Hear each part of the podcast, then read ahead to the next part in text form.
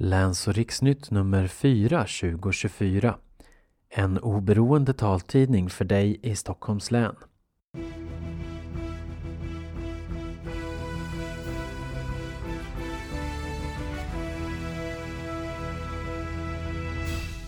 Hej och välkommen! Det här numret av Läns och riksnytt ges ut onsdag den 7 februari och kommer då upp på webbsidan lansochriksnytt.se och i vår app LOR Play till mobilen. Vi skickar också tidningen på CD-skiva till dig som behöver det. Då tar det förstås någon dag extra i posten. Jag heter Henrik Jansson och det här är innehållet som jag och kollegan Aziza Dawadi bjuder på. Inslag 1. Fördubblad brist på läkemedel. Staten har små möjligheter till åtgärder och uppmanar enskilda att bygga upp en buffert om de kan. Inslag 2. Telegram. Om att Spanien vill införa gratis glasögon till vissa grupper. Kritik mot bristande snöröjning kommer från Niklas Mattsson, förbundsordförande i Synskadades riksförbund. Och så om att leverceller kan transplanteras in i ögat så att man kan se hur ens lever mår. Inslag 3. I Stockholm tar man nu bort automatiska tidsgränser för beslut om ledsagning och assistans. Synskadeföreningen beskriver det här som en win-win situation. Inslag 4. På Vrakmuseet på Djurgården får vi en rundtur bland taktila skeppsmodeller och vrakgodshologram. Och visste du att Östersjön sägs ha flest bevarade skeppsvrak i världen? Inslag 5. Annonser och meddelanden. Sist i tidningen, där har vi alltid vår redaktionsruta. Och där hör du mer om hur du kan lyssna på oss i din Daisy-spelare, telefon eller dator. Och hur du får tag i oss som gör tidningen, bland annat. Hör gärna av dig med tips och synpunkter. Och fortsätt lyssna, vi kommer i regel ut med ett nytt nummer varje vecka. Inslag 1 Trots att allt fler mediciner saknas i hyllorna på apoteken så finns inte så mycket staten kan göra, berättar Läkemedelsverkets ansvariga. De rekommenderar privatpersoner att försöka bygga upp en egen buffert av läkemedel och försöker också ordna tillstånd och tillfälligt ta in ersättningsläkemedel som inte hunnit bli godkända i Sverige eller som saknar svensk text. Men att vissa mediciner inte går att få tag i ställer till problem på flera sätt, säger Maria Vanrud som är gruppchef på Läkemedelsverket. För patienten som kanske inte får sin vanliga utan måste kontakta vården för eventuell ny undersökning och ett nytt recept så, så betyder det såklart för patienten både eh, oro och eh, ovisshet innan man får tag i eh, någon alternativ behandling och, och ett merjobb för ja, både apotek och hälso och sjukvård. Så att det kan ju bli en påverkan liksom i olika grader kan man säga. Om inte ens läkemedel finns i rätt förpackning kan man alltså få en tablett med starkare dos som ska delas eller en svagare som man tar fler av. Det kan också bli ett annat märke men med samma aktiva substans. Men ibland finns det ingen ersättning alls utan man får klara sig utan eller med ett mindre effektivt läkemedel som innehåller någon annan substans. Och det kan i sin tur leda till problem med biverkningar i omställning när man byter från en behandling till en annan. Den här bristen på läkemedel kallas restanmälning och har blivit dubbelt så vanlig på bara ett år. Över 3200 sorters förpackningar var rapporterade för rest 2023 jämfört med 1600 året innan. En anledning att det här ökar är att företagen troligtvis börjat rapportera mer efter att det numera kan kosta pengar för företagen om de för sent meddelar att ett läkemedel saknas. Men den största orsaken är ändå en annan, säger Maria Vanrud. Det finns lite olika anledningar till det som vi ser det på Läkemedelsverket, men den främsta anledningen tänker vi är den ökade oron i omvärlden. Att det hänger ihop med ökade energikostnader, ökade fraktkostnader, även då kronans eh, låga kurs och den inflationen som vi har. Och det, det påverkar då tillgången och flödet av läkemedel till Sverige. De är restanmälda då som det heter. Ja. Eh, det kan betyda att de inte tillverkas längre men det kan också betyda att det inte går att få fram leveranser just nu, eller? Ja, eh, den rätta definitionen för en restanmälning är när företaget inte kan leverera läkemedel i den mängd som marknaden vill ha, alltså att tillgången inte kan möta behovet. Och tanken med restsituation är att det har inträffat någonting som företaget inte kan styra över, men att de beräknar ändå att produkten ska komma åter på marknaden efter en viss tid. Så när det är restanmälningar så lämnar ju företagen en prognos till oss så att eh, det startar, det beräknas starta det här datumet och vi tror att det kommer att pågå fram till ett, ett datum då. Så att det finns, en restanmälan finns alltid ett slutdatum. Ja. När det gäller läkemedel så kan det ju vara väldigt olika förstås hur allvarlig verkan det blir för den som är utan då eller tvingas byta till någon alternativ produkt istället. Är det någon som liksom kartlägger det där och ser vilken påverkan det har på eh, patientgrupper eller samhället eller så? Vi har hittills inte gjort det på det viset, men givetvis så för vi ju diskussioner och inser vi att vissa typer av läkemedel har större påverkan på samhället än vad andra rättssituationer mm, har. Och i de allra flesta fall så finns det ju utbytbara läkemedel eh, direkt som man kanske får på apoteket eller du kan också kanske få en annan förpackning eller i en annan styrka. Men eh, vi brukar prata om att det går från restsituation till att det blir bristsituation och, och brist är det då när det blir större påverkan på samhället och för patienten då så att säga. Men vi har egentligen ingen förteckning över det, men vi tittar utifrån hur många andra alternativ som man kan tänka sig att eh, det finns istället. Men finns det någonting man då som enskild kan göra för att liksom minska risken att stå utan läkemedel? Alltså finns det något man kan göra förebyggande? Det, Socialstyrelsen kom ut med en rekommendation här om det var i höstas där man eh, deras rekommendation är då att man ska ha läkemedel för en månads bruk eh, hemma. Eh, gäller då i första hand de personer som står på kontinuerlig behandling.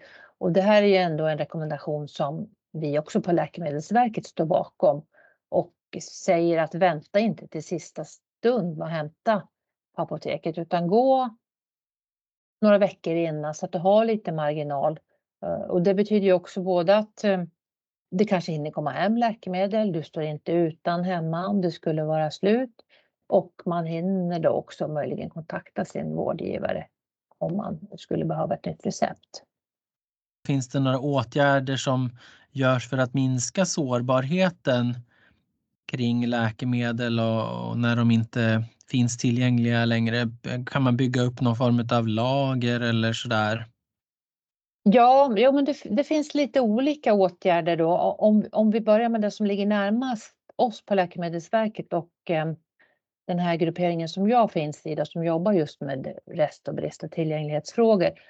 Där är det ju så att vi i första hand fungerar som ett informationsnav där vi tar emot information från företagen som anmäler till oss.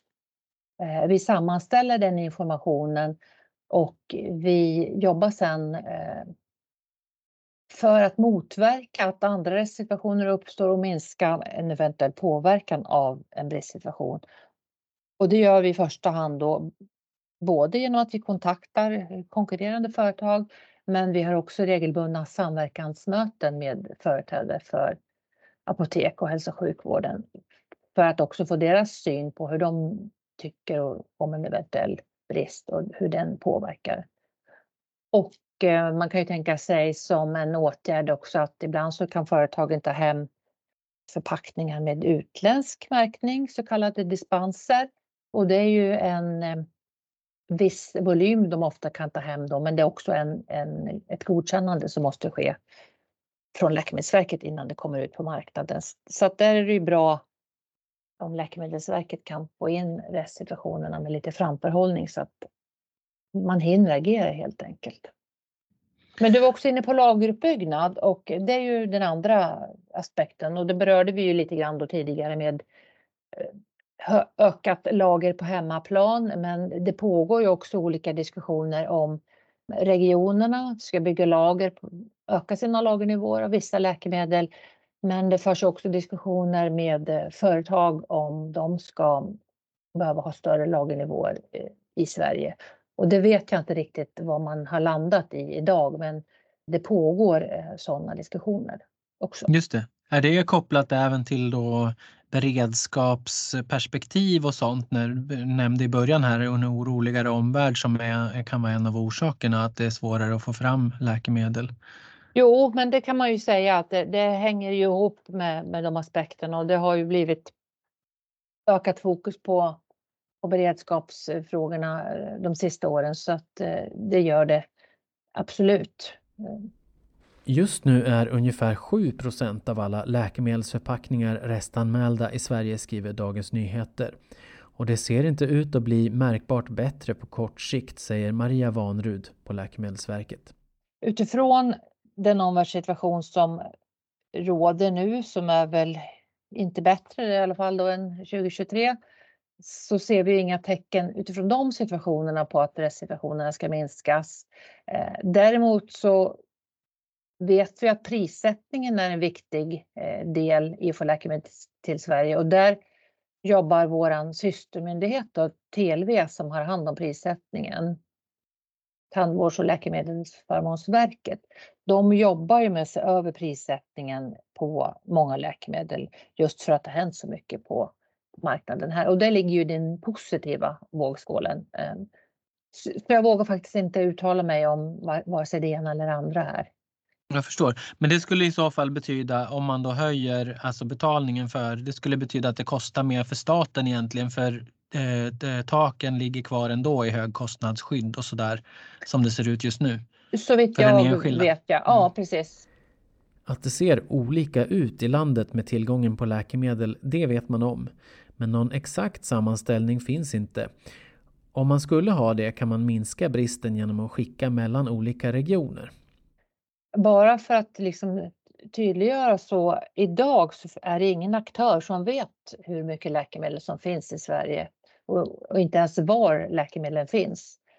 Utan det är ett regeringsuppdrag som vi, vi fick då Läkemedelsverket tillsammans med Hälsomyndigheten här om att påbörja uppbyggnaden av ett system som kan ta emot hur, data om hur mycket lager som finns då på både framförallt apotek och sjukhus och sen kunna matcha det med beräknat behov. Och då kan man ju göra kalkyler och bättre förutsäga om det kan komma att bli någon brist inom vissa grupper.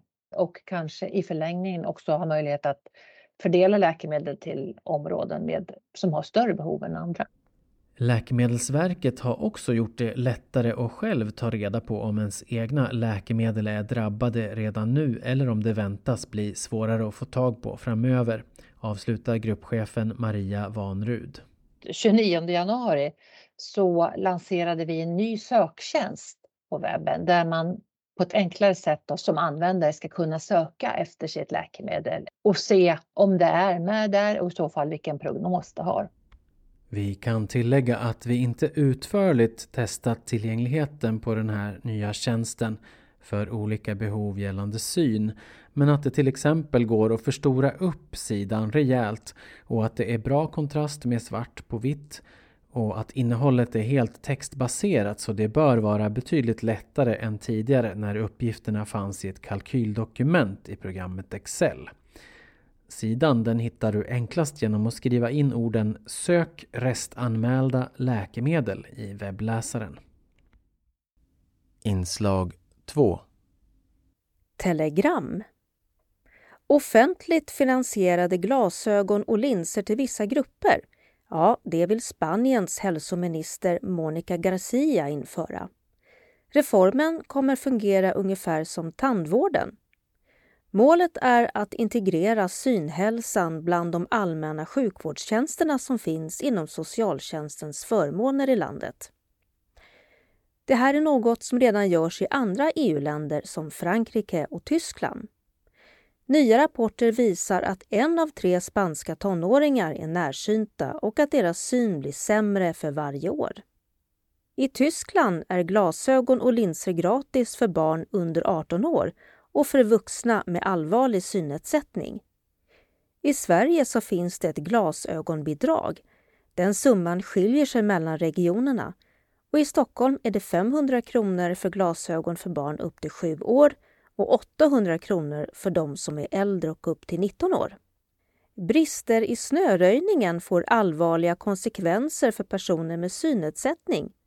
Det skriver Niklas Mattsson, förbundsordförande i Synskadades riksförbund, SRF, i en debattartikel i tidningen Dagens Samhälle den 6 januari. I fyra punkter listar han vad kommuner och deras upphandlade utförare behöver tänka på. Bland annat att snöröjning måste prioriteras på cykel, gångvägar, busshållplatser och perronger. Trottoarer ska skottas på båda sidor av gatan. Naturliga ledstråk såsom räcken, kanter och staket ska även vara tillgängliga vintertid. Och konstgjorda ledytor måste hållas rena från snö och is, eventuellt också med värmeslingor. Vi avslutar med om ögat kan berätta hur ens lever mår. Ja, det studerar forskare vid Karolinska institutet. Vid försök med möss har man transplanterat leverceller till ögats hornhinna som då fungerar som ett fönster in i kroppen. Forskarna tänker att man på detta sätt bland annat kan upptäcka typ 2-diabetes och fettlever. Inslag 3 Personer som har ledsagning kan andas ut lite grann om de bor i Stockholm. I Stockholms stad har nämligen socialnämnden bestämt att ta bort den automatiska tidsgränsen på ett år som har gällt för beslut om ledsagning och assistans enligt LSS och socialtjänstlagen. Det här är något som Synskadades riksförbund och förbundet Sveriges dövblinda har önskat. Och det kommer underlätta både för den som har en insats och för kommunens anställda enligt social och trygghetsborgarrådet Alexander Ojanne, socialdemokrat. Jo, nej, men vi har ju sett att man har eh, på eh, regelmässigt tagit ettåriga beslut. Vilket har skapat en onödig stress hos väldigt många brukare. Men också en onödig byråkrati för väldigt många handläggare. Det tycker vi är, är fel eh, och vi tror att det blir mycket bättre om vi istället kan ta beslut på längre sikt. Och framförallt i de här uppenbara fallen. Eh, det var, jag var och träffade Dövblindas eh, förening och de lyfte då hur eh, hur det är orimligt att, att man skulle behöva få nytt beslut om att man fortfarande inte kan se. Och, och, det var en person där som sa att de här ögonproteserna kommer inte börja se och om de gör det så kommer jag höra av mig. Det, det vart, vart väl lite grann av en väckarklocka för mig också. Att, ja, det är helt det är ju byråkrati att tvinga den personen, eller personen i den situationen in till nya utredningar varje år och samtidigt lägga kommunala resurser på att utreda det här årligen. Det tror inte jag är bra för någon part överhuvudtaget. Vad tror du, vad beror det på att man hade den här ordningen innan? Jag tror att det är en rest av, av 90-tals eh, neddragningar och, och eh, New Public Management-tänk egentligen. Eh, jag, jag, vet inte, jag var inte med på den tiden så jag vet inte hur man, hur man tänkte då. Men jag ser ingen nytta i att behålla det på det sättet. Sen är det klart att vi kommer fortfarande kunna ta eh, beslut på, på ett år där det är befogat med att man kanske tror att det är någonting som är övergående eller någonting som eh, där det kommer komma en ny utveckling och så vidare. Så, så det, det, finns ju Möjligheten att ta ettåriga beslut kommer finnas kvar. Men, men det ska inte vara huvudregel utan huvudregeln är att man ska ta efter behov och se där det finns ett, ett långvarigt behov, det ska också vara lång, långa beslut. Och det här gäller då både de som har stöd enligt LSS och de som har stöd enligt socialtjänstlagen, eller? Ja, ja men precis. Mm. Utan det här gäller ju de, de eh, biståndsbedömda beslut vi tar helt enkelt. Mm, just det. För vår, eh, vår lyssnargrupp är ju personer med, med synnedsättningar. De kan ju ha, naturligtvis också ha en hörselnedsättning och allt möjligt så att säga. Men, eh och eh, där har det ju sett ut så när det gäller ledsagning enligt LSS, om man tittar på en tioårsperiod. Eh, jag har inte sagt koll på Stockholm, men om man tittar över lag över landet så har det ju faktiskt gått ner väldigt mycket och det har att göra med det här med personkrets 3, att många kommuner inte tolkar eh, att personer med synnedsättning ingår i den där personkretsen längre. Och framförallt visade då Socialstyrelsen i sin genomgång förra året att det är bland unga som det är färre unga som får de här eh, beviljade eh, ledsagningsbeslut. För de kan ju behöva ha med sig ledsagning ut på, för att träffa, ja, gå till fotbollsträning eller annat sånt. Kanske inte på samma sätt som de här äldre som kan ha behov av att få mat hem eller mm. sånt där. Eh, men har du någonting att säga från Stockholms sida? Finns det någonting man gör från Stockholm för att se till att unga med synnedsättning också ska få möjlighet att leva ett så bra och aktivt liv som möjligt så att säga? Vi håller på med, en översyn av eh, ledsagningen just nu faktiskt. Eh, det var ett budgetuppdrag för 2023 eh, Eh, och då har man samlat in data för hela året. Så det, ja, året tog ju precis slut. Och det är eh, med, mer med syfte om att skapa en likställighet i, i staden. För det har varit väldigt olika, hur man har kunnat, man har fått, kunnat fått väldigt olika beslut i olika stadsdelar i Stockholms stad. Så trots att vi är en och samma kommun så har det kunnat vara, vara skilt sig väldigt mycket åt. Och det, det kan man se på eh, jag menar, hur många ärenden som går till förvaltningsrätten och sådär. Eh, och det är eh, det, det, är en sån fråga som vi jobbar med för att få en, få en lösning på. Men jag ska, jag ska, inte föregå den utredningen för jag inte, än så länge är den bara på rådatanivå. Men vi har samlat in all, all data från 2023 och analysen pågår. Mm. Vad är det som ska vara liksom målsättningen eller led, ledstjärna i det uppdraget då? Ja, men det handlar om att få en, få en likställighet. Det ska inte spela någon roll vart i Stockholm du bor så ska du kunna få samma stöd. Och det, och det är inte den lägsta gemensamma nämnaren vi ska hitta utan vi ska hitta en, en god standard Eh, så att man kan leva ett fullvärdigt eh, gott liv i Stockholm. Och, eh, vår ambition är att bygga ett Stockholm för alla och då, det, det innefattar ju också alla. Men det här som du säger att det har sett olika ut i olika stadsdelar, betyder det också att om man, om man bor i en stadsdel och har fått ett biståndsbeslut där, att det måste prövas om man byter stadsdel om man får ett annat beslut där då? Ja, men det kan ju varit en av konsekvenserna och, eh, och eftersom bedömningarna har varit olika i olika stadsdelar så har det varit väldigt eh, problematiskt. Så det är, det är en av de grejerna som vi håller på och, och försöker reda ut här nu, hur, hur vi ska lösa. Vi tillträdde ju eh, i, ja, efter valet 2022, eller i oktober tillträdde vi. Och budgetuppdraget gavs för att under 2023 göra den här analysen. Då. Ja, vi hoppas väl att, eh, att det ska bli bättre. Vår ambition när, vi, när det har gått fyra år är att eh, Stockholm ska vara en mer tillgänglig stad då än när vi tillträdde. Och apropå det då, när det gäller en sån här funktionell sak med biståndsbesluten så vet jag att det funnits önskemål från ja, både enskilda med synnedsättning men även från Synskadades riksförbund eh, lokalt här att man skulle kunna få sina beslut även digitalt om man så vill eller på punktskrift och så. Men nu är det ju att de går ut i det som man brukar kalla för svartskrift, alltså tryck eh, till när man får ett beslut. Vad tror du om det där? Är det möjligt? Ja, så det finns ju, den skickas också ut på USB-sticka. Så digitalt går de ut. Det finns vissa juridiska hinder med att mejla ut beslut. Men, men, man skickar ut USB-stickor eh, om, om, man vill det. Det finns också en upphandlad inläsningstjänst eh, som, som man kan använda sig av. Och vår erfarenhet också från, eller de signaler från stadsdelarna, eh, det är att väldigt många Eh, brukare har eh, e-, egna eh, inläsningsmaskiner och, och, som översätter både till, till tal och till punktskrift. Och vissa kan ju ha förstoringsapparater och sådär också om man har, eh, är svagsynt. Men jag tänker på inom vården så är det ju så här att man nu kan logga in. Alla är ju inte digitala ska vi säga heller, så för dem är det säkert inte önskat att få tvingas till digital lösning. Men för de som är digitala tror jag det är mycket uppskattat man kan logga in på mina sidor och ta del av beslut eller ärenden och så. Men det är ingenting som ni jobbar med här? Nej, vi har inte de systemen just nu eh, och det ligger inget uppdrag i det utan det är ju eh, handläggare skickar ut USB-stickor med, besluten på så man kan få dem digitalt den vägen. Kanske inte toppmodernt för 2024, jag, jag, jag inser det också. Eh, men, men det är i alla fall en, en möjlighet att få dem digitalt. Och så har vi den här upphandlade inläsningstjänsten. Beslutet att den Stockholmsbo som har en insats som till exempel ledsagning inte behöver ompröva den varje år är välkommet hos funktionshinderorganisationer. Till exempel sa ordföranden i SRF Stockholms stad Håkan Thomsson till tidningen Mitt i att det här är en win-win situation som minskar stressen för många. Det är socialnämnden i kommunen som bestämt det här i december och det ska börja tillämpas direkt. I takt med att folk nu kallas till sina närmaste möten med beslutshandläggare så kommer det att bli allt fler som har en längre period innan behovet utvärderas på nytt, säger socialborgarrådet.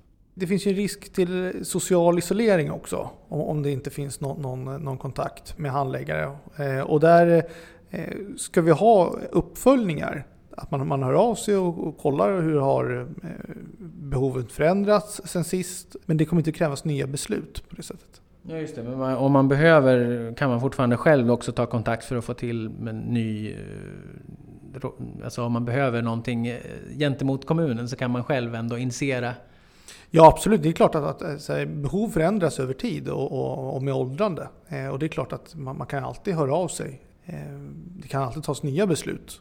Eh, men, men eh, grundidén är att vi inte ska skapa den här onödiga stressen av att eh, jag vet att många är oroliga för att en stöd ska dras in varje gång det kommer upp till beslut. Och att, att vi ska liksom slippa den oron hos, hos våra medborgare samtidigt som vi får bort en onödig byråkrati där man ska sitta och skriva mer eller mindre samma beslut år efter år efter år.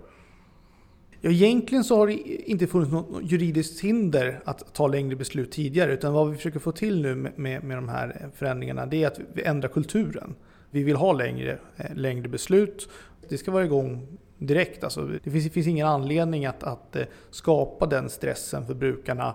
Men också att kunna eh, frigöra arbetstid för, för personalen så att de kan, kan göra Eh, vara mer närvarande i utredningar eh, och, och, jobba närmare brukarna eh, och få, få ett, ett bättre socialt arbete helt enkelt. Det sa social och trygghetsborgarråd Alexander Ojanne som vi träffade på arbetsrummet i Stockholms stadshus. En rapport om hur stadsdelarna ska jobba mer lika i sina beslut om stödinsatser väntas vara klar i mars. Inslag 3 Vi är i entrén här och det första jag möter det är en dykare som sitter här på golvet på en eh, stol och har jättestora simfenor, gula. Det här är vår dykare Charlie som då är en figur som sitter här i vår entré och har på sig full torrdykardräkt med helmask, alltså den typen av utrustning som undervattensarkeologer eller marinarkeologerna har när de är ute i fält och jobbar. Erik Östergren, arkeolog och guide på vrak, Museum of Rex på Djurgården, ganska nära Vasamuseet. Han ska visa mig runt och berätta om skeppsvrak på Östersjöns botten. Men också om marinarkeologiforskning idag. Och dykaren Charlie får alla peta på. Dels så ska man ju då få, liksom få, ja, men få veta hur en marinarkeolog är klädd, men han är också väldigt oöm så man får gå fram och ta på utrustningen och veta hur det liksom känns ordentligt. En torrdräkt är ju då att eh, det, det, är som en stor eh, overall som känns lite så här Gore-Tex-aktig. Inte gummi sådär, inte galonig. Nej, men det är vattentätt liksom. För att man då, om man dyker där det är kallt vatten, eller kallare än bekvämt i alla fall, så ska man kunna ha på sig underställ och varma kläder under. Det, det är ju ingen liksom eh, snabbdräkt direkt. Nej, men man behöver inte vara snabb utan man ska vara så bekväm så att man kan fortsätta jobba under vattnet. Och sen så fylls den här dräkten lite med luft också. Att om man har en våtdräkt och simmar under vattnet, då kan man ha som en väst för att kunna balansera sig lite i vattnet. Och man fyller västen med luft så man ska kunna ligga och sväva nästan. Men den här torrdräkten, den kan man också fylla med luft. Så den här hjälper till med att dykaren ska kunna hålla sig balanserad och inte antingen bara flyta upp till ytan med en gång eller inte heller bara hamna på botten. Utan den är också ett redskap i att kunna simma på ett bra sätt när man är på vrak eller andra platser. Och sen har han ju massa, eller hen här, massa slangar och, och grejer och en tryckmätare ser jag här och någon eh, Apple Watch på att säga på, på armleden. Det har han ju inte. Men titta här, det är ju faktiskt ett anteckningsblock han håller i här. Anteckningsblocket är bra för att kunna dokumentera vad det är de ser och dyker på. Och då kan man ju känna, är det en bra idé att ha med sig ett anteckningsblock med papper under vattnet? Kanske inte, men då är det här specialpapper som faktiskt kan vara under vattenytan, så de är vattentåliga. Och då kan man göra anteckningar om det man ser, till och med göra någon teckning så att man sen när man kommer upp på ytan kan komma ihåg lite mer vad det var man ändå såg där nere. Från den ljusa entrén går vi in genom en svartmålad korridor. Det är utställningens första del. Här på nedervåningen då är det som att vi ska vara under vattenytan och sen när man tar sig upp till övervåningen då är det som att man simmar mot vattenytan. Men nu är vi i utställningsdelen som heter Minnenas hav och här är det som att Östersjön själv berättar om kontakten med oss människor. Och sen så är det en film här på väggar och tak då man ser lite händelser ur vår långa historia här vid Östersjön. Och så är det Östersjöns röst som vi hör här prata lite. När jag står här inne så är det en videoduk som är nästan runt i rummet här på väggarna och även i taket. Så man kan bli lite åksjuk om man är lite känslig för det. Eh, man ser havet, vattenytan men även lite under ytan och här är det stora containrar som flyter och sjunker ner under vattenytan. Jag såg en skräckfilm häromdagen där det var en tjej som fastnade i en container ute i havet och höll på att dränkas. Varför var det containrar där som flöt omkring? Ja, så hela den här äh, upplevelsen den tar sig då från stenålder fram till idag och de olika sätt som människan har varit i vattnet. Vi har fiskat, det har varit krig, det har varit handel. Och de här containrarna, det är ju då nutidens del av vad vi gör ute på Östersjön. Vi transporterar varor från när och fjärran och de här containrarna, ibland så trillar de faktiskt i vattnet också och det är mycket annat skräp som faktiskt hamnar i havet. Och det är sånt som vi då vill kunna uppmärksamma folk på. Så det är ett klimatinformationsarbete som ni också bedriver? Det gör vi. Det är dels för att vi behöver ha Östersjön. Vi behöver våra vatten för att vi människor och resten av planeten ska må bra. Men det är också väldigt viktigt att Östersjön fortsätter må bra för våra vrak och historien som finns under vattenytan. För i Östersjön så har vi jättemånga vrak. Alltså inget annat hav har lika mycket vrak som Östersjön. Man kan räkna med att det finns 100 000 skeppsvrak i Östersjön. Och de finns där för att Östersjön har eh, bräckt vatten, vi har inte saltvatten som andra hav, vi har inte skeppsmask, vi har eh, svalt vatten. Att de förutsättningarna som finns här finns inte på andra ställen och de förutsättningarna måste vi ta hand om. Det betyder att det är inte flest skepp som har förlist här utan det är flest som är bevarade. Precis. Och om man tar till exempel ett väldigt känt skepp, Vasaskeppet eller skeppet Vasa. Hade det sjunkit i något annat hav, hade det sjunkit i Atlanten eller Medelhavet, då hade det inte funnits kvar efter 20 år. Men i Östersjön finns sånt här kvar. Det finns kanoter kvar från stenåldern just för att Östersjön är så bra på att ta hand om historia. Pågår det fortfarande vrakjakt? Man hittar fortfarande nya vrak. Man får inte flytta eller röra fornfynd som hittas, utan sånt är skyddat av lag. Om marinarkeologerna skulle tycka att här är någonting som vi behöver ta upp för att bevara, det kanske är kopparmynt, det kanske är någon detalj som skulle kunna skadas om den ligger kvar, då får man ta ett beslut från Länsstyrelsen om att hur ska vi kunna bevara det här bättre för framtiden.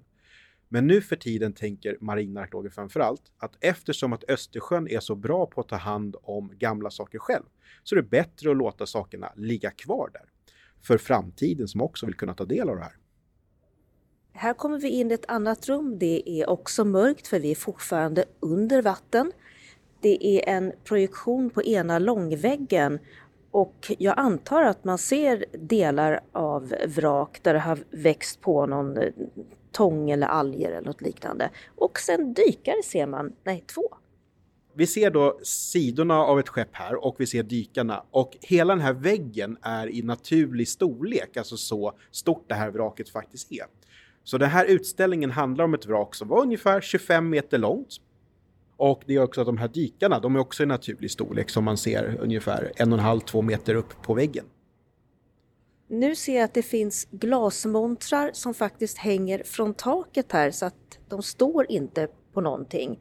Och eh, i dem så ser det inte ut att vara någonting höll jag faktiskt på att säga. Precis, de här montrarna är tomma på faktiska föremål. Och det är inte att vi har glömt sätta dit dem, utan det här hör ihop med det som vi pratade om tidigare, att Östersjön är så bra på att ta hand om gamla saker själv. Så här har man låtit föremål ligga kvar på ett skeppsvrak, men man har då gjort 3D-modeller digitalt. Man har tagit massa foton och videos, så bygger man upp en modell som man då istället kan ha här som hologram. Det här var lite spooky, lite märkligt. Det, här, det är en glasskiva då som är lite vinklad mot en liten sockel här inne i glasmontern och står man då rakt framifrån då är det en projicering som man ser en bild.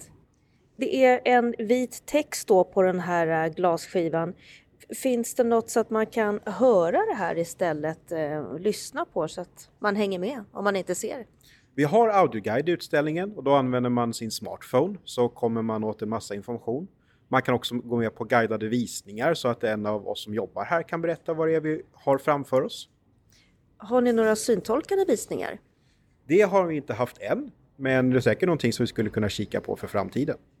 Jag skulle vilja titta här borta för det ser ut som att det är en kon. En kon, att det är en kon är helt rätt. Här har vi då befälstoaletten i det här 1600-talsskeppet.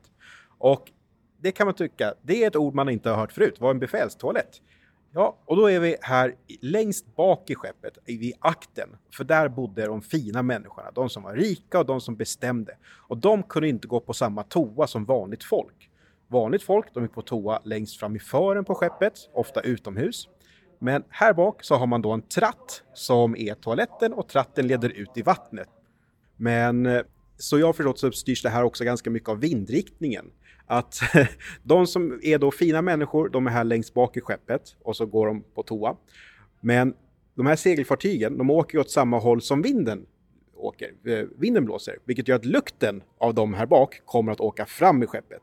Så hade man haft vanligt folks toa längre bak, då hade de rika människorna behövt känna lukten av det. Vi går vidare till övervåningen. Det finns en hiss, men vi tar den breda trappan som har ledstänger på båda sidorna. Jag antar att vi är ovanför ytan nu. Ja, nu har vi tagit oss upp till vattenytan så nu är det ljusare och eh, vi har inte de här bubbliga ljuden längre utan nu, nu är vi liksom här på vattenytan och här uppe har vi ännu fler utställningar och jag tänkte visa dig lite saker som vi kan ta fram på eh, visningar i vissa fall. För ni har några taktila saker som man faktiskt kan få ta på. Precis. Ett gäng saker finns i utställningarna hela tiden, men nu tänkte jag ta fram någonting som är från specialvisningar. En rullvagn med skåp står längs väggen. Den här tas fram när det är familjevisningar eller vid förfrågningar. För man får ta på det som finns här. Bland annat en bit av en trästock från ett skepp som sjönk på 1500-talet. En över 100 år gammal mycket tung dykarsko Erik Östergren tar fram en liten, nästan svart rund träpinne och den väger mer än man tror. Här är ek som har legat i vatten väldigt länge, men den första träbiten vi kollar på, den har torkat så den har liksom ingen fukt kvar i alls. Den här träbiten, den har man istället fyllt med någonting annat för vatten för att det ska hålla ihop bättre. Det luktar ju kära om den. Och det är häftigt med vrak, för kärlukten kan verkligen finnas kvar i århundraden när det ligger här i Östersjön. Och den här träbiten som du håller i och luktar på nu, den är från ett vrak som sjönk år 1628. Vågar du gissa vilket vrak det skulle kunna vara? Men det är Vasa! Det är Vasa som du står där och håller i. Och det är jättekul att vi kan då ja, ha just den här sak, typen av föremål så att folk faktiskt får komma nära historien. Jag ser ett akvarium ungefär en och en halv meter långt. Inga fiskar, men bitar av några stora trästockar ligger på en sandbotten. Här har vi en väldigt ny arkeologisk upptäckt.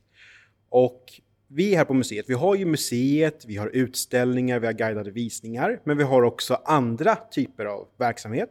Och vi har marinarkeologer som är knutna till oss och de gör massa olika projekt. Och de har ett forskningsprojekt där de undersöker gamla skeppsvrak utanför Vaxholm och ett av de här skeppsvraken blev snabbt väldigt känt. För de har hittat Vasas systerskepp. Och det här systerskeppet heter alltså Äpplet. Och här har vi bitar från skeppet Äpplet i det här akvariet. Äpplet kan låta lite konstigt om man jämför med skepp som Vasa eller Kronan eller Svärdet. Att det, det, det, det låter lite konstigt. Men vi kommer inte hitta några skepp som heter apelsinen eller bananen, utan äpplet har inte fått sitt namn efter frukten, utan det har fått sitt namn från ett av de kungliga regalierna.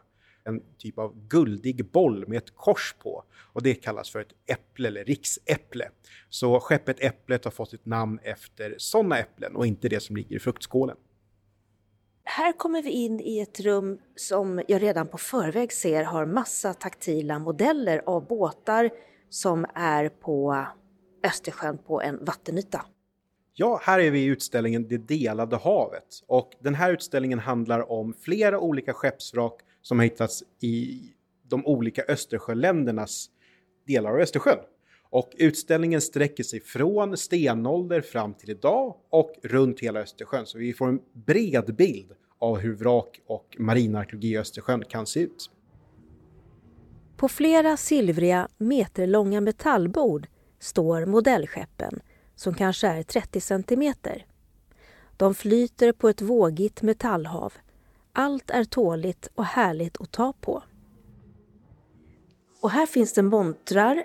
De är liksom liggande så man får titta neråt i dem. Och här ser det nästan ut som ett renhorn höll jag på att säga. Det är absolut ett renhorn. Och vi har också ett renhorn utanför montern som man kan ta på. Och renhorn har varit en väldigt viktig handelsvara under lång tid. Och det är handel med samerna som har gjort att den här typen av produkter kommer ut i världen. För med renhorn, man har tillverkat kammar, man har haft hantverk, det kan vara knivhandtag. Och det här är någonting som resten av världen har velat köpa från Skandinavien. Och det här renhornet kommer från norra Sverige eller norra Nor Nordnorge. Och har då tagit sig till det här tyska handelsskeppet för att sen kunna säljas någonstans i Europa får vi tänka oss. Och vad är det här? Här har vi då skelett från fiskar och det kanske känns som så här, ja men det är klart det finns skelett av fiskar i havet. Men de här fiskskeletten har hittats på det här medeltida skeppet tätt packade. Så man förstår att de här har funnits sammanbundna eller kanske i någon kista. Och det är nog från torkad fisk, för det var någonting man har hållit på med i Norge jättelänge. Man gör fortfarande torrfisk i Norge. Den fisk som man har när man gör torrfisk, det är framförallt torsk. Och att torsken har fått sitt namn, det är för att det är en bra fisk att torka. Det här är inte bara jag som står och dummar mig, utan det här är en riktig språkteori till varför torsken heter som den heter. Men de här små, små fiskskeletten, det kan vara svårt att ta till sig vad det är för någonting man har framför sig istället. Så då här framför dig nu så finns det en 3D-utskrift av en, ett torskskelett. Så man kan verkligen känna alla små detaljer som experterna tittar på för att förstå vilken fisk det har att göra med. Och det eh, måste väl vara en kota i ryggraden på den? Det är en ryggkota. För det finns ju massa skeppsmodeller här och det är ju väldigt roligt för de blir ju, tror jag, yngre och yngre. Så det, ska vi gå längst bort? Det ser ut som en eh, tankfartyg i, i våra dagar. Vi är i nutid. Det är inte ett tankfartyg utan det här är en färja för människor. Det här är ett utställningsrum om Estonia-katastrofen, så det är Estonia som vi ser här. Och det kan kännas konstigt att vi har en utställning om Estonia, någonting som är så pass nyss i tid. Det är 30 år sedan. Men det är ändå en historia som är viktig att vi bevarar och sprider kunskap om. Och den här utställningen är gjord för att behålla det här minnet tillsammans med anhöriga och överlevare. I en monter här så ser jag, kan det vara en bit av bogvisiret? Den bit av fören som då var öppen så att det kunde komma in, eller det kom in vatten i den. Det är en del av det, det riktiga bogvisiret vi ser där. Det är en del av det riktiga bogvisiret. Sen den större delen av bogvisiret det finns i ett annat magasin. Och här inne kan man också lyssna på den radiokommunikation som var mellan de olika färgerna den natten. För när Estonia skickar ut sitt mayday-meddelande, sitt nödrop, då är det andra färger som svarar. Det kan vara en jättestark upplevelse. Jag har personligen ingen koppling till Estonia-katastrofen som tur är, men även för mig som utomstående så är det en stark upplevelse. Men det är en stark mänsklig upplevelse. Den sista utställningsdelen heter Uppdraget. Vi är i nutid. Det är som en forskningsstation där man får prova på att vara marinarkeolog. Här kan man se olika undervattenskameror och längs ena väggen finns flera pallar. Sitter du här kommer du under ytan. Här har vi vår VR-station. Så här med VR-glasögon så kan vissa uppleva då hur det är att dyka på ett vrak och det är en röst som berättar att nu simmar vi mot det här vraket och så ska man hitta lite föremål. Och vraket som man dyker på i den här VR-upplevelsen, det är en faktisk 3D-modell av ett riktigt vrak. Och jag har pratat med erfarna dykare här som känner igen vilket vrak de är på bara från att ha varit där inne någon minut. Så det är väldigt väl återgivet. Och den här utställningen handlar just om marinarkeologi som vetenskap. Så hur kan vi säga allt det här som vi säger i resten av museet? Vilka olika sätt finns det att datera? Hur kan vi veta vad som finns under vattenytan? Vad för saker och föremål kan man hitta? Och nu är vi här i del två. Då ska man lära sig lite mer om föremål man har hittat i första delen i det här VR-dyket. Det är en låda som man kan dra ut här. Och eh, här ligger det en massa benbitar, höll jag på att säga, eller nej, det ser ut som pipor. Så här är 3D-utskrifter av pipor. För pipor är en sån sak som är väldigt bra för arkeologer. För de byter design rätt ofta på 1700-talet. Så kan man veta när ett vrak användes beroende på vilka pipor man hittar ombord. Vad kul att man kan dra ut massa lådor. Men här finns det alltså mycket att titta på. Men jag tänkte att det här är ju någonting roligt. Det här känner man igen från museer. Det är ett slags arkivskåp. Och så kan man rulla på de här väggarna med, med vred som ser ut som en, en gammaldags bilratt. Vad roligt, för här kan man alltså gå in och kul om man är barn, fast vuxna får också gå in här. Det här är tredje och sista delen i att förstå hur en marinarkeolog jobbar. För ofta kan man då, om man hittar ett vrak, då kan man kolla på vad folk har skrivit om området och då kan man till slut förhoppningsvis förstå vilket vrak det är de har upptäckt. Så här får man då med hjälp av den här mannen som finns i det här spelet, eller vad ska kalla det. Och... Eh, han är projicerad på en eh, videoskärm inne i det här skåpet och det ser ut som att det är någon som står inne i själva skåpet. Och när man då sätter igång det här, då kommer han fråga, vill du undersöka det här med eller vill du undersöka någonting annat med? Då får man snurra de här skåpen åt olika håll och då kommer han förklara hur man går vidare när man ska lära sig mer om de skrivna källorna. Känner du? Här är doften av gamla böcker och historiens vingslag. Jag älskar det här stället. Tack vare ert väl genomförda dyk och proverna som era kollegor tog med analys Guide på vrak Museum of Wrecks var Erik Östregren, arkeolog. Och museet ligger mellan Vasamuseet och Liljevalchs. Till utställningen så finns det audioguider och vid flera montrar så finns det också hörsnäckor så man kan lyssna på information. Vrak är ett statligt marinarkeologiskt museum och mer information hittar du på deras hemsida. Inslag 5 Annonser och meddelanden Alla hjärtans disco SRF Stockholms stad Digital träff SRF Norrort Digital verkstad i Gotlandssalen. Inspirationsföreläsning i Gustavsberg. Kurs i motionsskrivning SRF Stockholm Gotland. Medlemsträff i Tullinge SRF Botkyrka Salem. Medlemsträff med SRF i Nacka om digitala tips. Syntolkad visning Moderna Museet. Syntolkat på Nationalmuseum. Syntolkning Mamma Mia The Party.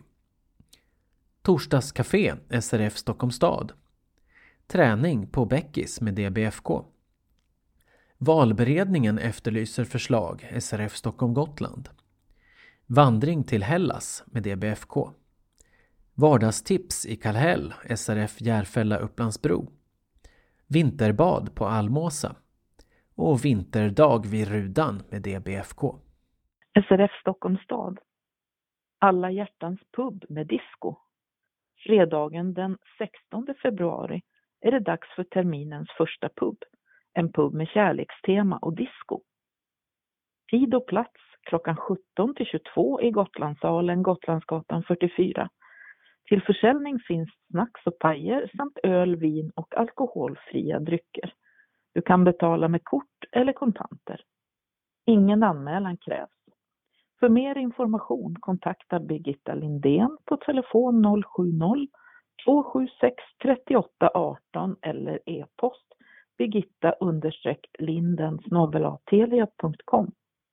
Varmt välkomna! SRF Norrort inbjuder till digital träff Den 12 februari. Kullagrens äldreboende, biblioteket Åkerbyvägen 1 i Täby. Vi ska lära oss att ladda ner appar, lära oss hur man hanterar en QR-kod och kanske vi hinner med annan digital teknik också. Anmälan gör du senast den 11 februari till Marita Söderholm 070 543 94 98. Marita Söderholm är också ledare. Välkomna till en trevlig eftermiddag. Digital hörna blir digital verkstad. Höstens populära Digital hörna byter namn till Digital verkstad. Vi kommer också att ändra lite på upplägget. Under våren kommer två träffar att vara vikta för Android-användare och två för dig som använder iPhone. Det första tillfället är den 20 februari och det är för alla er som använder plattformen Android. Det gäller alltså för er som till exempel har en Samsung eller Google-telefon. Tiden är klockan 18 till 20.00. Om du vill fika och äta en smörgås innan är du välkommen redan klockan 17.30. Den andra digitala verkstaden är den 20 mars. Även den klockan 18 till 20.00 för iPhone-användare. Med fika och smörgås från klockan 17.30. Vi planerar för ytterligare två tillfällen senare i vår och i höst även för en navigeringskurs. Samtliga träffar är i Gotlandssalen. Färdtjänstadress Gotlandsgatan 44, Stockholm. Tunnelbanestation Skanstull. Ledsagning finns på plats och vi bjuder på fika och smörgås. Anmäl dig till Britta Eskils Janse på telefon 08 462 45 16 eller mejla på britta srfstockholmgotland.se. Glöm inte att tala om om du vill ha smörgås och fika. Välkommen! Träff i Gustavsbergs centrum. Se dåligt, må bra. Janne Eidvall, mångkunnig inom rehabilitering och kurser för synskadade kommer. Han var tidigare verksamhetsansvarig för rehabkurserna på Hagabergs folkhögskola i Södertälje. Och han berättar och svarar på frågor om optik, hjälpmedel, rehabilitering och ögonsjukdomar. Vi formar träffen utifrån dina funderingar och frågor. Och detta gör vi den 7 mars mellan klockan 13 och 15 i Nattvandrarnas lokal Gustavsbergs centrum, snett mittemot Coop. Anmälan och frågor till Birgitta Westberg på telefonnummer 0762 52 20 23. Anmäl dig senast den 5 mars. Välkommen! SRF bjuder in till kurs i motionsskrivning. Det är dags för Synskadades riksförbunds kongress. Det innebär nya möjligheter att påverka organisationen. Nu ger vi dig chansen att vässa argumenten för dina kongressmotioner och motionerna till ditt årsmöte. Tillsammans med ABF anordnar vi nämligen en motionsskrivarkurs. Vi kommer bland annat att gå igenom hur du skriver en motion som når ut, hur motioner behandlas och vad du kan påverka med hjälp av motioner. Kursen ges vid två tillfällen via Teams. Antingen den 29 februari klockan 18 till 20 eller 21 mars klockan 18 till 20. Kursledare är Annika Eriksson på ABF. Efter att ni anmält er kommer vi att skicka en länk för inloggning. Anmälan görs till Gunilla Söderström. Gunilla.soderström srf.nu senast en vecka innan kurstillfället. Hjärtligt välkommen med din anmälan. Hej alla vänner med synnedsättning. Vad sägs om korv och potatismos med tillbehör samt semla och kaffe eller te? Vi får besök av Jan Isaksson från Polarprint som visar olika hjälpmedel. Anmäl dig så ses vi på det vanliga stället. Vi går igenom vårterminens program och har som vanligt en trevlig eftermiddag. Deltagarantalet är begränsat så det är först kvarn som gäller. Tid Söndagen den 25 februari klockan 13.00 till och med 15.30. Plats Anna Maria Ros, väg 108 i Tullinge, grind B.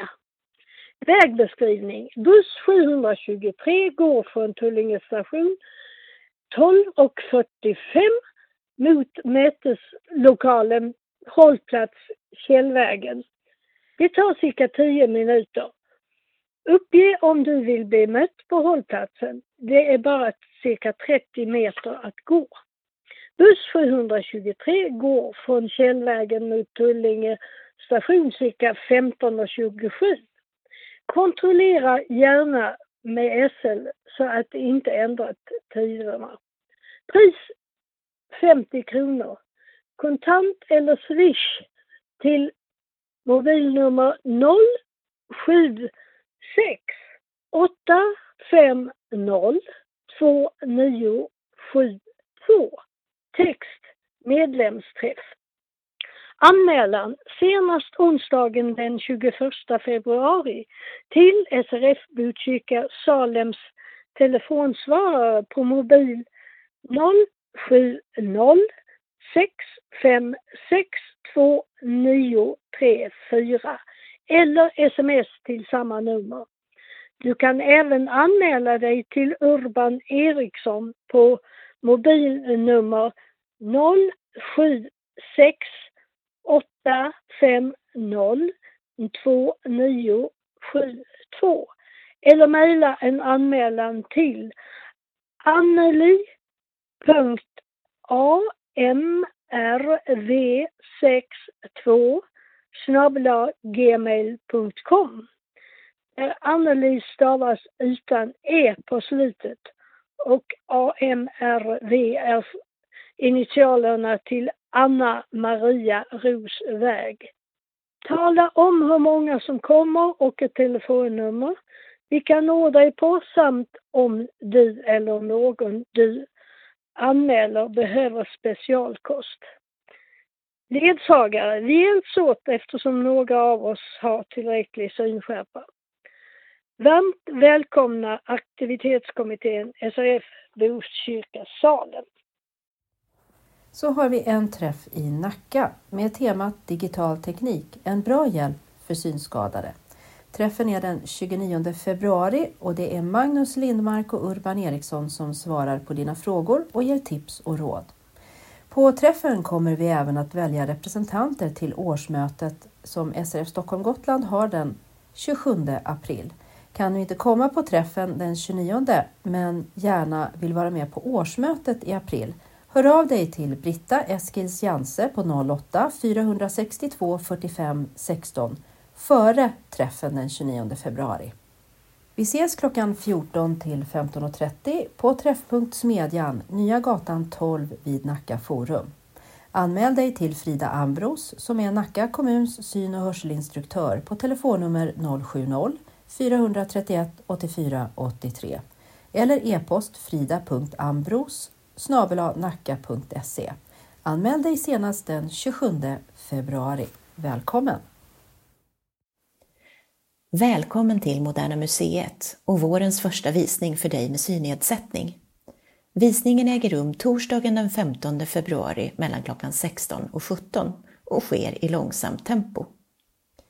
Guiden beskriver några av de färg och formstarka konstverken i utställningen Rosa segel Svensk modernism i Moderna Museets samling och berättar om de olika sammanhang de tillkommit i. Det är begränsat antal platser. Visningen ingår i entrébiljetten till museet. För att reservera en plats, mejla till bokavisning@modernamuseet.se.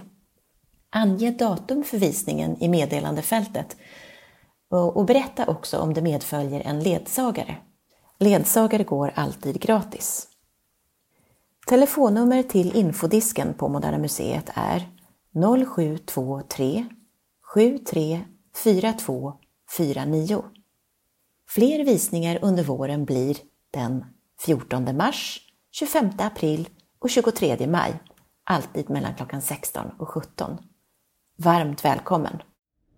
Visning på Nationalmuseum torsdagen den 15 februari klockan 11.15 till 12.45. Vi kommer att besöka Nationalmuseums utställning om modernt och samtida amerikanskt konsthantverk. Utställningen heter Beauty and the Unexpected. Visningen utgår från beskrivningar av några få verk i utställningen. Visning och entré är kostnadsfria. Även ledsagare går fritt. Ledarhund och servicehund är välkomna. Har du frågor inför visningen? Kontakta Sara Borgegård Eljå på telefonnummer 070 841 87 64. Jag upprepar 070 841 87 64. Du kan också mejla sara.borgegard nationalmuseum.se Alltså S-A-R-A B-O-R G-E-G A-R-D snabela nationalmuseum.se Vårens andra visningar på torsdagar klockan 11.15 till 12.45 är den 14 mars då vi kommer se en ny utställning som heter Design lika med Memory. Den 18 april när vi kommer se utställningen om Harriet Backer och den 23 maj när vi kommer fokusera på skulpturer, och hur de är gjorda och vår nya taktila station på museet. Hjärtligt välkomna! Den 16 februari har Mamma Mia The Party återigen premiär på Tyrol i Stockholm. Veckan innan premiären har vi på Syntolkning nu fått möjligheten att bjuda in till Nikos grekiska taverna med musik och mat. En upplevelse där ni som gäster också är en del av föreställningen. Så detta är en av de sista repetitionerna är biljettpriset starkt reducerat, men upplevelsen är precis lika stor.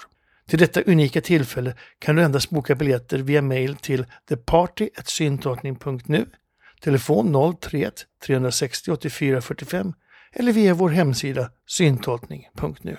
Välkomna! SRF Stockholms stad i samarbete med ABF Stockholm. Torsdagscafé den 8 februari. Välkomna till vårt torsdagscafé den 8 februari. Den här gången blir det ett mycket uppskattat tema. Våra sömnadscirklar visar upp kläder som de själva har sytt. Och vi får möjlighet att eh, titta och känna på kläderna. Vi öppnar dörrarna klockan 13 och kaféet avslutas klockan 15. Kaffe eller te med tilltugg kostar 30 kronor och du kan betala med kort eller kontanter. Vår adress är Gotlandsgatan 44, Gotlandssalen. Du behöver inte anmäla dig.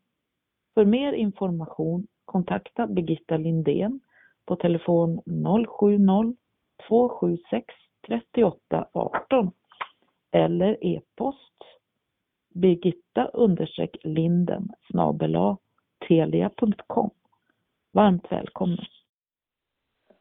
Påminnelse om aktiviteter i Bäckis med DBFK. Här kommer en påminnelse om att våra aktiviteter, gymnastikträning och simning har startat och att vi nu har återgått till att bedriva dem i Bäckis eh, på Söderberga allé nummer 80 i Bromma, det är adressen. Och eh, tisdagsträningen då är, eh, är då som vanligt med, Eh, med gymnastik klockan 18.00 till 19.00 och simning klockan 19.00 till 20.00. Och söndagssimningen i Bäckis är då som vanligt då, då simning 18.00 till 20.00. Ta med hänglås till skåp i omklädningsrummet.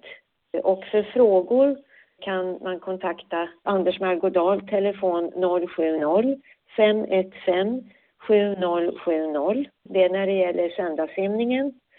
Och tisdagsträningen kan man kontakta då Christer Hovbrandt, telefon 070 346 5776. Välkomna hälsar DBFK. Här kommer en uppmaning från valberedningen för SRF Stockholm Gotland. Föreslå ledamöter till styrelsen, ombud till SRFs kongress i oktober och verksamhetsrevisorer. Hör av dig under februari månad med förslag till valberedningen i SRF Stockholm Gotland. Ring eller mejla Kaj Nordqvist 070 580 42 94 eller e-post kaj.nordqvist srfstockholm.se Nordqvist stavas med QU. Arvid Lindén 0761 04 15 25 eller Mattias Lundberg 070 523 52 95 e-post m.lundberg telia.com till styrelsen i distriktet ska väljas en ordförande på ett år, fyra ledamöter på två år och två ersättare på ett år. Ombud och ersättare ska väljas till kongressen i SRF i höst 2024 och två verksamhetsrevisorer ska väljas, en ordinarie och en ersättare. Alla förslag måste ha kommit in senast den 29 februari och de du föreslår måste ha tackat ja.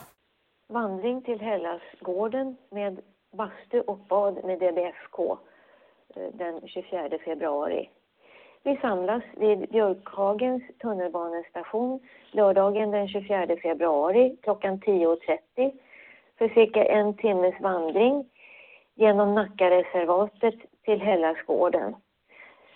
Väl framme fikar vi på något av fiken där. Därefter går det modiga vidare till bastun och det extra modiga kan ta ett svalkande bad i den upphuggna isvaken i Källtorpssjön. Bastun måste förbokas. Därför är sista anmälningsdagen den 22 februari. Anmälan görs till klubbens hemsida www.dbfk.se eller till Lasse Lindell 070 555 4499.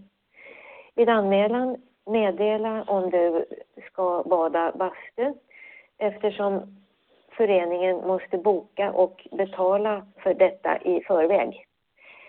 De som inte vill basta kan efter fika ta bussen till Slussen. Säg till om ni har behov av ledsagning. För bastubadare, medtag handduk, hängdås, badkläder och tofflor att gå ner till bryggan med. Bastun kostar 170 kronor per person och betalas på plats. Ledsagare kommer att finnas både i herr och dambastun. SRF Järfälla Upplandsbro fortsätter på ämnet vardagstips för synskadade.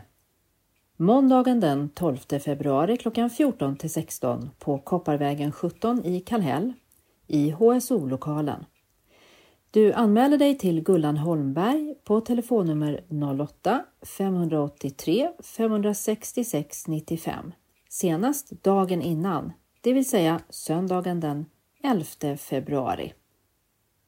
Det är Ann-Katrin Ekberg som är studieombud och som leder träffen. Kaffe, te och kaffebröd kommer att serveras vid träffen. Välkommen! Vinterbad och lunch på Almåsa. Är du en van vinterbadare eller blir det här din första gång? Det spelar ingen roll. Vi hoppas att ni är många som vill hänga med när SRF Stockholm Gotland bjuder in till Strandhuset på Almåsa. Här kan du bada i den uppvärmda jacuzzin på altanen, ta ett dopp i havet från bryggan eller basta i den vedeldade bastuflotten som du även kan bada från. Det finns även en bastu inne i strandhuset. Efter två timmars bad och bastu avslutar vi med en lunch som serveras uppe på Almåsas restaurang. Aktiviteten är söndagen den 25 februari klockan 10 till 14. Priset är 400 kronor för synskadade och stödjande medlemmar oavsett vilken lokalförening du är med i. Icke medlemmar och ledsagare betalar 600 kronor. I det ingår bad och lunch. Vi kommer att ha ledsagare på plats. Du anmäler dig till Sofia på 08 462 45 17 eller sofia srfstockholmgotland.se senast den 10 februari. Anmälan är bindande. Vinterdag i Rudans friluftsområde i Haninge med DBFK. Lördagen den 17 februari klockan 11 till 15 blir det en vinterdag i Rudans friluftsområde. Det finns möjlighet att åka skidor, skridskor eller bara ta en promenad. Ta med matsäck och något varmt att sitta på. Kommer man med taxi kan man beställa till Rudan Center, Rudanvägen 45, Haninge. Kommer man med pendeltåg eh, från stan, sitt längst fram i tåget och kliv av vid handen. Passa på nu, du behövs. Inga förkunskaper krävs, men egen utrustning. Vi ordnar ledsagare till den som behöver. Anmälan görs senast den 12 i andra på www.dbfk.se eller till Anneli Telning, telefon 070 598 3162. Ange vid anmälan eventuellt ledsagarbehov. Välkommen att höra av dig om du har frågor eller vill ha hjälp att leta utrustning. Denna aktivitet är gratis.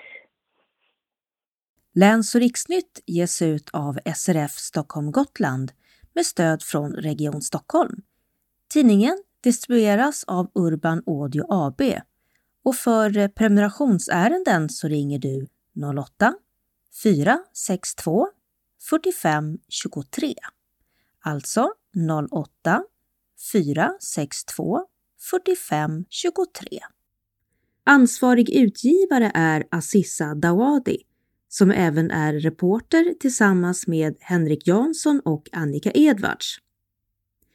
Vill du ha med en annons i tidningen behöver vi ha in den senast klockan 12 på tisdagar för publicering samma vecka.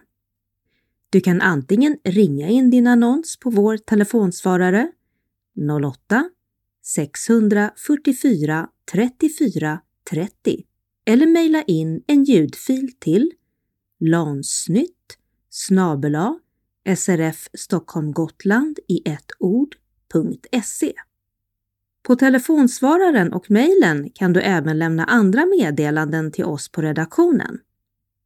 Du kan läsa Läns och riksnytt på flera sätt. På Daisy, i appen som heter LOR, LOR Play, som finns både för iPhone och Android. I din dagstidningsspelare om du prenumererar på en dagstidning. Eller läs oss på webben www.lansoriksnytt.se. Och här har vi även syntolkade bilder till alla inslagen. När du inte längre behöver din Daisy-skiva så slängs den i de vanliga hushållssoporna. Men vi vill gärna uppmuntra dig att läsa oss digitalt, för miljöns skull. Information om taltidningar och viss supporthjälp finns hos Polarprint på telefonnummer 020 826913. Tack för att du läser Läns och riksnytt!